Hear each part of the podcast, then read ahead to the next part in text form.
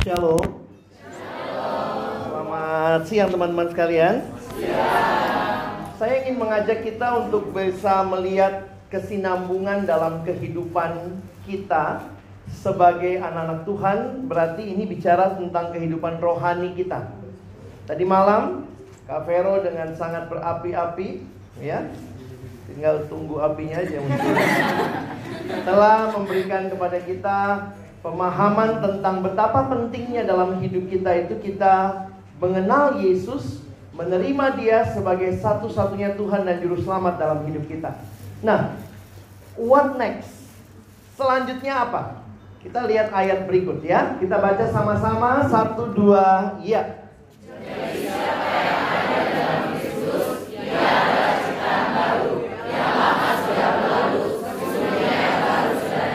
Nah ini adalah satu bagian yang Paulus saksikan. Dulu itu sudah berlalu. Itu hidup yang dulu hidup di dalam dosa, sekarang masuk dalam hidup yang baru. Nah hidup yang baru itu ditandai dengan apa? Nah ini yang kita sama-sama perhatikan. Saya menuliskan begini. Hidup yang sudah ditebus oleh Yesus adalah miliknya. Dan seharusnya hidup kita berelasi dengan dia.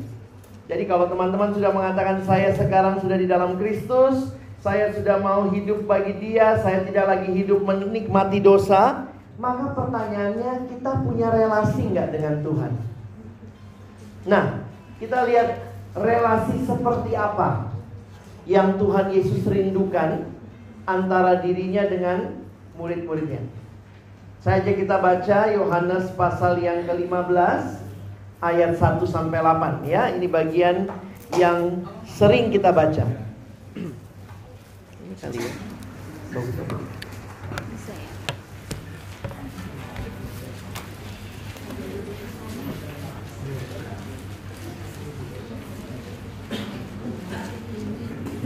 Mari kita baca pergantian. Yohanes 15 ayat 1 sampai 8. Abang baca ayat 1, kalian baca ayat 2, kita gantian sampai ayat yang ke-8. Pokok anggur yang benar, akulah pokok anggur yang benar dan Bapakkulah pengusahanya. Setiap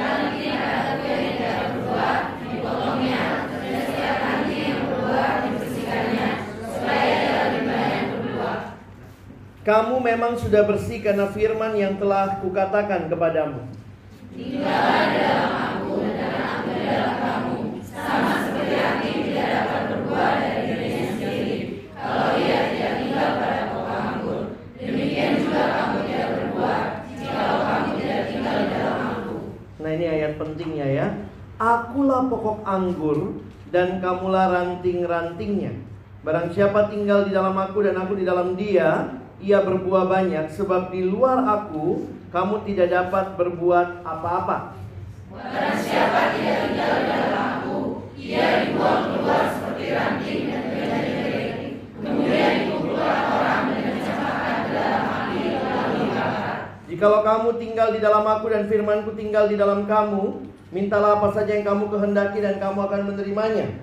Dalam hal ini Bapa pun diperlihatkan, yaitu jika kamu Perhatikan sebentar ayat yang kelima. Kalau tema kita I am not alone, ayat yang kelima di bacaan kita, kita lihat bagian terakhir dikatakan apa? Sebab di luar aku Abang ingin kita mengerti you cannot be alone. You cannot live alone. Karena itu bersyukur Tuhan menyertai kita. Bagaimana menikmati penyertaan Tuhan? Sekarang tanya lagi, bagaimana kita berelasi dengan Tuhan? Saya mulai dari kutipan yang ditulis seorang bernama Nicky Gamble. Kita baca sama-sama ya. Satu, dua, ya. Pria dan wanita tanpa hubungan tersebut akan selalu ada kesalahan, sebuah kekosongan dan sebuah perasaan yang hilang. Manusia suka pikir dia bisa hidup tanpa Tuhan. Tidak mungkin. Karena waktu Allah ciptakan kita, kita memang dicipta oleh Allah untuk Allah. Karena itu kita akan selalu puas hanya kalau kita berelasi dengan Allah. Tidak ada satupun hubungan manusia yang dapat memuaskan. Tidak ada satupun hubungan yang dapat terus bertahan. Dua kata kunci ini atau frase kunci tidak bisa memuaskan, tidak dapat terus bertahan. Dari mana kita dapat hubungan yang dapat terus bertahan dan dapat memuaskan itu hanya mungkin hubungan dengan Tuhan. Orang tuamu bisa meninggal? Bisa. Berarti tidak ada hubungan manusia yang dapat terus bertahan. Punya pacar, pacar bisa mati? Bisa. Atau kau mati duluan? Jadi memang akhirnya kita menyadari, iya ya, waktu manusia cari kepuasan dari yang bukan Allah, tidak ada yang bisa memuaskan. Karena selalu yang kita mau itu hubungan yang dapat memuaskan dan dapat terus bertahan. Karena itu selalu akan ada sesuatu yang hilang. Itu karena kita diciptakan untuk hidup dalam hubungan dengan Allah. Jadi, hanya kalau kita punya hubungan dengan Allah, kamu baru punya arti hidup, kamu baru punya tujuan hidup. Itu akan menjadi semakin jelas kalau kita berelasi dengan Allah. Nah menarik sekali waktu Tuhan Yesus jalan sama murid-muridnya Jangan lupa di waktu itu di Palestina banyak pohon anggur Jadi waktu Yesus lagi jalan sama murid-muridnya Melewati sebuah kebun anggur Tuhan Yesus menggambarkan relasi seperti apa yang dia inginkan antara dirinya dengan murid-muridnya. Nah, ada gambaran yang Tuhan berikan yaitu gambaran pohon dan ranting. Saya pikir banyak sekali gambaran sekarang. Salah satu kita suka nyanyi juga ya. E, apa tuh? Kau teman kuku temanmu kita seperti mentega dan roti, seperti celana dan baju. Tapi itu gambaran yang mati ya. Tuhan Yesus kasih gambaran yang hidup seperti pokok anggur dan ranting. Pernah lihat pohon anggur? Pohon anggur itu merambat. Pokoknya itu merambat dan ranting-rantingnya ada. Nah, Abang ingin kita mengerti tiga hal dan saya harap nanti kita bisa me mengaplikasikannya dalam hidup kita. Ya. Yang pertama lihat dulu begini. Dari perumpamaan yang Yesus kasih, kita belajar yang pertama hakikatnya Allah. Allah itu sumber segala sesuatu. Karena itu Yesus memperkenalkan diri, aku pokok anggurnya. Lalu manusia digambarkan sebagai ranting. Berarti hakikat manusia harus bergantung kepada sumber. Allah sumber segala sesuatu, manusia bergantung pada sumber. Itu orang bodoh juga tahu bang, bener ya? Ini kan orang mengerti lah ya. Tapi banyak kali orang tahu tapi tidak mengalami. Nah ini yang jadi pergumulan kita. Saya kasih contoh begini. Kalau kalian pernah lihat kipas angin? Pernah ya? Oh itu. Kipas angin sama colokan, stop kontak. Coba abang tanya, yang mana yang sumber, yang mana yang bergantung kepada sumber? Stop kontaknya itu sumber. Kipas angin bergantung kepada sumber. Sebagus apa pun kipas angin, lengkap baling-balingnya, tapi kalau nggak kecolok, guna nggak? Kalau panas kau yang muter gitu ya. ya, jadi mengerti bahwa ini adalah sumber, ini adalah yang bergantung kepada sumber. Bagaimana caranya? Sekarang coba imajinasimu. Bagaimana caranya supaya kekuatan dari sumber itu bisa mengalir ke yang bergantung? Butuh apa? Kipas angin, colokan. Butuh ka kabel ya kabelnya harus ada Perhatikan kabelnya apa buat kita? Allah sumber, kita bergantung kepada sumber, dan kabelnya orang Kristen, firman Tuhan dan doa. Ayat berapa itu? Ayat 7. Coba lihat. Kita baca sama-sama ya. Satu, dua, iya. Jikalau kamu tinggal di dalam aku,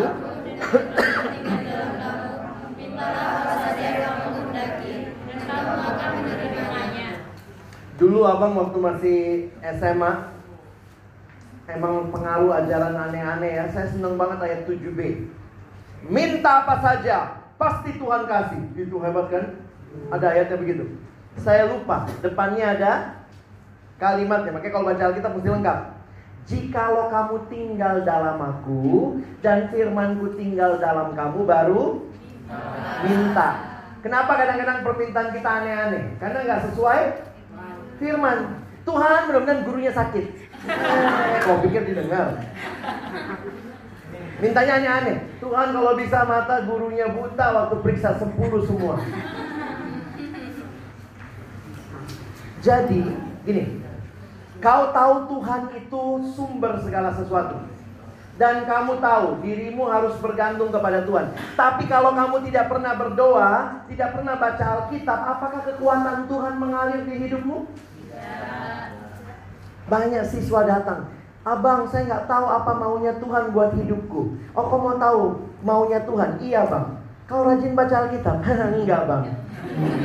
Terus mau tahu dari mana? Wangsit, buk. Oh, saya sekarang sudah tahu. Kita maunya itu baca Alkitab juga modelnya kalau bisa pakai prinsip ekonomi. Baca sedikit-sedikitnya, mengerti sedalam-dalamnya. Gimana cara? Mau direbus minum airnya? Banyak orang nggak serius. Jadi kalau dalam hidup kita tidak mengalami kekuatan dari Tuhan, kamu nggak mengalami penghiburan dari Tuhan, jangan salahkan Tuhan. Ada yang suka begitu. Kenapa Tuhan biarkan aku seperti ini? Tuhan bilang saya mau hibur kau, kau aja nggak mau baca firman. Di mana kita dapat penghiburan? Di mana kita dapat kekuatan? Di mana kita dapat uh, apa yang Tuhan berikan? Itu waktu kita berelasi dengan Dia. Karena itu, saya pikir dari kecil kita udah diajarin ya. You are not alone, ada Tuhan. Tapi jangan membuat Tuhan hanya menjadi pajangan di hidupmu. Miliki relasi dengan Tuhan.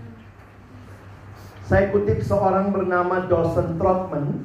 Dia bikin gambar ini untuk mengingatkan kita bagaimana seharusnya orang Kristen hidup. Kalau kamu sudah terima Yesus dalam hidupmu, Dosen Trotman menggambarkan kalau kalian googling langsung keluar ini namanya ilustrasi roda. Dia menggambarkan hidup orang itu seperti roda. Pernah lihat roda? Roda yang putar apanya? Yang putar itu sebenarnya porosnya. Jadi di poros hidup harus ada Kristus. Kalau Kristus ada di pusat hidupmu, tadi malam Kak Vero udah tantang, kamu mau maukah tinggalkan dosa hidup bagi Allah, terima Yesus di pusat hidupmu. Kalau Yesus ada di pusat hidupmu, maka ada dua relasi yang harus dibangun. Ini digambarkan dengan dua macam jari-jari. Ada jari-jari yang horizontal dan vertikal. Yang vertikal itu hubungan dengan Allah. Saya bicara sama Tuhan namanya doa. Tuhan bicara sama saya lewat Makanya dari sekolah minggu juga kita udah dikasih tahu bagaimana cari cara bertumbuh adik-adik. Baca kitab suci, doa tiap hari kalau mau. Jangan-jangan kita mesti coba evaluasi hidupmu dari lagu itu aja. Menurut lagu itu, kamu bertumbuh atau tidak? Jangan-jangan lagunya udah ganti. Tidak baca kitab suci, tidak doa tiap hari, tidak baca kitab suci, tidak doa tiap hari, tidak baca kitab suci, tidak doa tiap hari, tidak bertumbuh. Mau pakai gerakan? Tidak bertumbuh. Abang mau tantang kamu yang sudah ikut retret ini.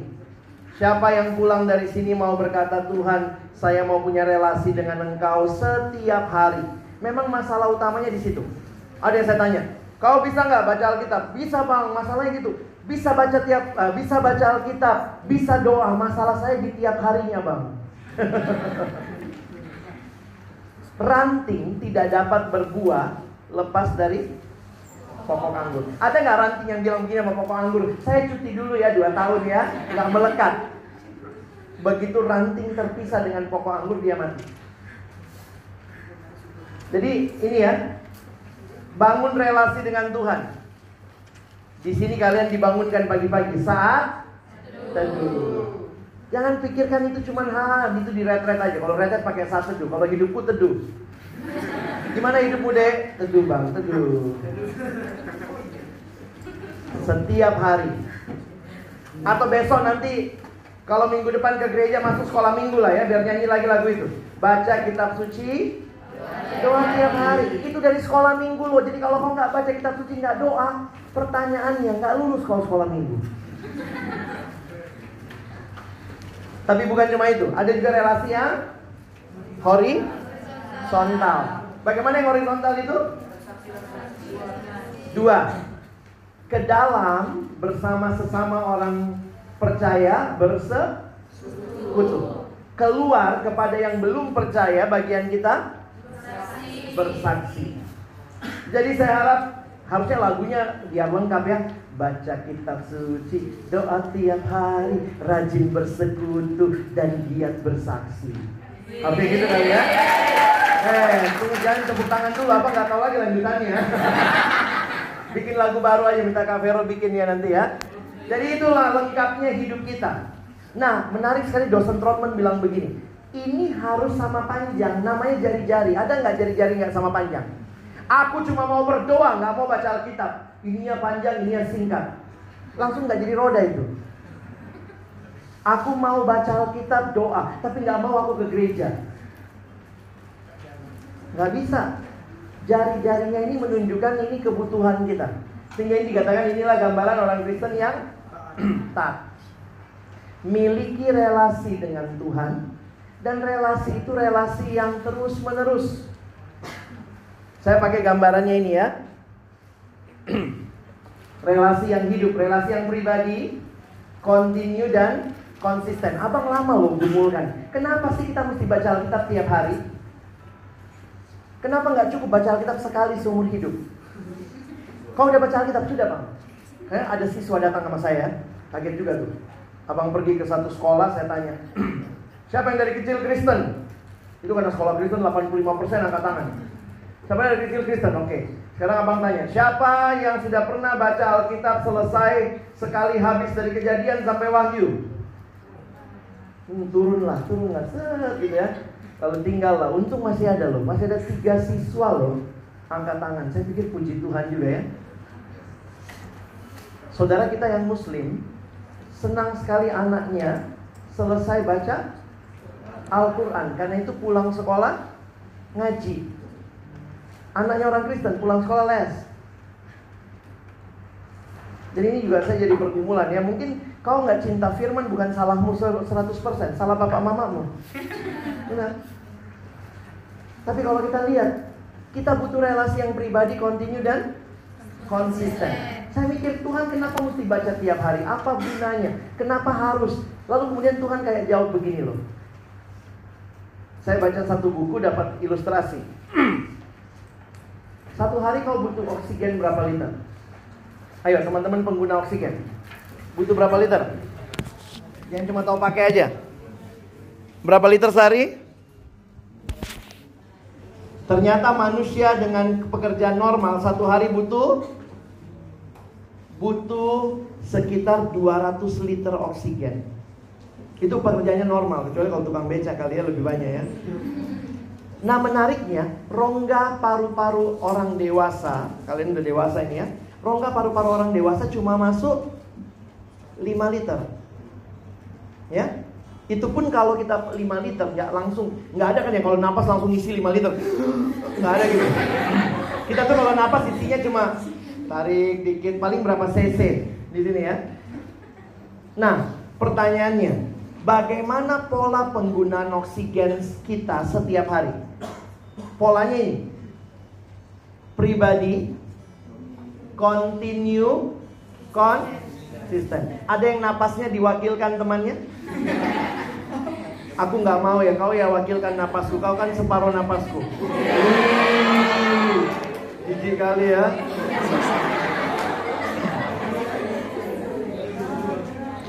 Continue berarti terus menerus. Konsisten tetap. Tarik lepas. Tarik lepas. Jangan tarik. Ah malas ah dua jam lagi baru lepas. Mati kau. Sekarang abang tanya di dalam hal berdoa kau minta diwakilkan? Kadang-kadang suka gitu ya. Mau ke gereja kau? Eh, doakan aku ya. Mamaku sintua. Bapakku pemimpin kor. Aku nggak usah berdoa. Aku nggak usah baca alkitab. Udah diwakili mereka Nggak bisa. Biar bapak mamamu rohani semana Tuhan menghendaki relasi yang pri pribadi. Pribadi continue konsisten. Ini juga ternyata prinsipnya sama. Makan juga begitu ya. Saya juga kayak Tuhan bilang, Lex lihat loh. Napas itu polanya pribadi continue. Makan Makan juga gitu ya. Ada yang kita sekali makan buat tiga tahun ke depan. Yang bikin retret enak itu apa? Makannya kan? Kudapan. Udah beneran. Nanti makan. Break, makan, break. Enak juga kalau Retet nggak usah banyak makan ya. Kenapa? Udah makan dia untuk tiga tahun ke depan bang. Tapi di situ saya lihat iya ya. Ternyata prinsip hidup kita nggak cuma butuh Tuhan satu kali dalam hidup. Kita butuh dia setiap waktu. Makanya orang Kristen suka ngomong, doa itu nafas hidup orang Kristen. Sombong banget ya. Doa itu nafas. Alkitab ini makaroni, makanan rohani. Sekarang cek hidupmu. Kau lagi napas nggak? Jangan-jangan kalau dicek status rohani kita ICU semua ini. Baca Alkitab kadang-kadang, doa kadang-kadang kalau sempat dan ini jadi pergumulan kita. Nah, saya berharap pemahaman ini menolong kita. Tuhan mau menyertai kita. Tapi pertanyaannya, kita mau nggak bangun relasi dengan dia? Dia berjanji menyertai. You will never be alone. Tapi kamu harus punya relasi yang pribadi, continue, konsisten. Ya, itu dulu dari saya. Terima kasih. Terima